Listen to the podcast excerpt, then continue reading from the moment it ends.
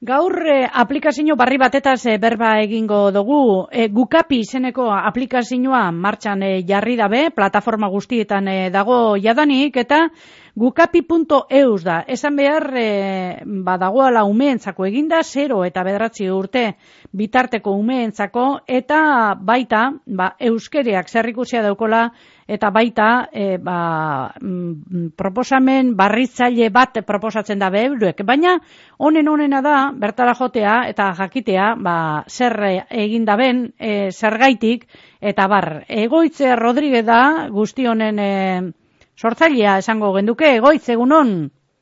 Egunon. Holanda ez da? Bai, bai, e, gauza bat azpimarratxarren da e, gukapi berez idazten dugula G-O-O eta gero kapi ikarekin. Hori da. Bueno, e, konta iguzu, zelan sortzen da eta zer da e, gukapi.eus? Bale, ba, begira, gukapi da aplikazio bat baino gehiago, berez delako e, euskarazko animaziozko edukiak, aurrentzate direnak, dituen e, streaming plataforma bat. Mm Hau da, asko labur biltzearen eta edo zeinek ulertzeko moduan, euskarazko marrazki bizidunen Netflix txikitxo bat. Ah. E, aplikazio bat da ere, bai, e, mugikor bidez e, erabil daitekelako, bai iOS e, sistemetan, hau da Apple sistemetan, eta bai e, Android e, sistemetan. Mm Eta daukanen berezitasuna da, e, ba aurrentzako eta familientzako animazioan espezializatutako e, doako plataforma edo aplikazio bat dela, Euskaraz sortua dagoela, Euskal kulturan oinarritzen dela, eskuntza eta entretenimentua e, nolabait esateko e, e, batzen dituela, hau da, abentura kontatzen ditu, baina beti dago, bueno, ba, ikas daiteken e, zerbait, eta ikas daiteken zerbait hori, dago lotuta identidade berde batekin, hau da, garapen iraunkorreko helburu hoiekin eta giza eskubidekin oro bat, eta hortaz aparte, teknologikoki edukiak dira oso oso berritzaileak. Mm -hmm. zer esan nahi dut honekin? Ba, adibidez, e, gure edukiak, gure telesaiak, ez, animaziozko telesail hauek, ba, interaktiboak dira e, ere ez, eta horrez esan nahi du, a momenturen batean, e, e, demagun gure pertsonaietako bat, e, iratxoak dira, normalean, e, aventura bat dagoenean, e, igual galde diesaioke, edo aukerak eman diesaioke ikusleari esan ez. Zer egin nahi duzue, e, mendia euskalatu edo errekan gora egin? Eta orduan, mugikorraren bitartez, e, edo tablet baten bitartez, edo bestela telebistako mandoaren bitartez, ikusleak erabaki dezake ze aukera hartu nahi duen eta nondik egingo duen bidea, ez? Mhm. Mm interesgarri ez da. Eta e, e, zer gaiti zelan sortzen da ideia hau egoitz? Ba, begira, e, ideia sortzen da gehien bat, e, e, bueno, gukapiko sortzaiok, dara magu, e, e, e, euskerazko marrazki bizidunen eta euskal kulturaren sorkuntzan, ogoi urtetik gora, e, besteren artean, ba, e, oraindik e, oroimenean e, eukiko izan ditzak egun e, proiektu batzuk ere garatu izan ditugu, e, e, kasu honetan baleuko ekoiztetzean, e, adibidez betizu, eta olakoak, ez?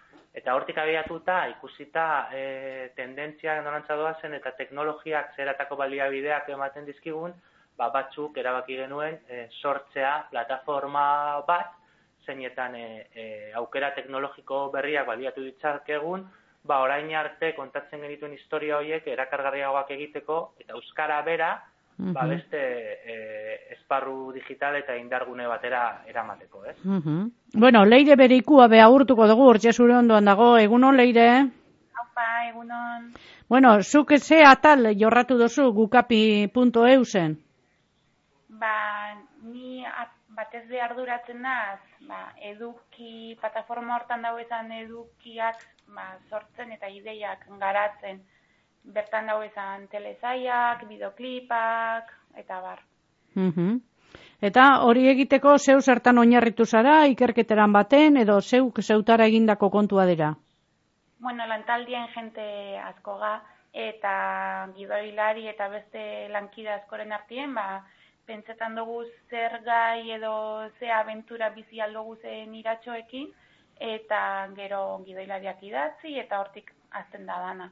Guztire, bueno, gukapin hainbat iratxo bizi diez, baina guztire momentu honetan lau iratxok daukiez beraien telezail propioak plataforman, eta bosgarren bat behen bagabiz garatzen.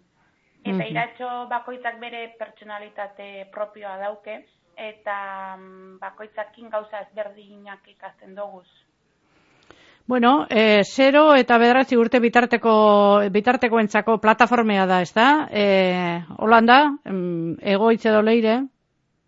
Bai, bai, zero eta bederatzi arteko ume guztien zaten da zabalik plataforma hau, eta... Bueno, pro, produkto, bai? produkto magikoak be badaukazu esela jartzen dago hemen, ez da? Bai, serieak igoitzak ez nahen moduen interaktiboak izatea aparte, gero aparte ba, gure mm, produktu fizikoak sortu dugu be bai, danek daukiez kapa mm, digitalak eta produktu horiek ala nola die, ba, kamisetak, USB-ak, motxilak, tazak, tatuajeak, eta hau da, horrekin em, kapa digital horregaz errealitatea areagotua ikusi aldogu eta bertako iratxoek ba, bizia hartzen dabe. Mm Eta horretaz aparte liburu bat be badago kalean eta em, bi kuaderno didaktiko be bai. Eta laster bigarren liburu bat eta beste kuadernillo batzuk ere bai. Mm Eta denetan iratxoak eta gukapi dira protagonista, eta denetan ba, errealitatea areagotu edo digital hori ikusi daiteke. Mm -hmm. Horretaz aparte, ba, em, kalera behateratzen gara, e, iratxoen kantu sekretuak ikuskizunakin. Oin bazok, iratxoak eta bazoko zorginkeria izenakin gabiltza Euskal Herriko herrietan zehar, eta bertan, pintxo iratxo abatarrak, eta inigito txapelpunk eta Andreako badongakin, ba, umeek eh, aventura eder bat bizi aldabe. Mm Bueno, ba, hortxe, danon eskura dago, e, idatzita esango dugu, e, G-O-O-K, e, K, ba, kale kilo esaten dan, ez da? E, API, gukapi, izeneko plataformea martxan daukiela gure txikerrenak, e, interaktiboa dinogu moduan, eta baita baliabide ba, barritzaileak e, bertan agertzen dira, produktu magikoa pe bai, eta egin aldo zuena da, ba, esagutu gukapiren aplikazio e, interaktibo barri hau, ezta? Plataforma guztietan dagoelako eskuragarri. Eskerrik asko, Egoitze Rodríguez eta Leire Berikua. Mil esker, urrengo batera arte, ondo izan?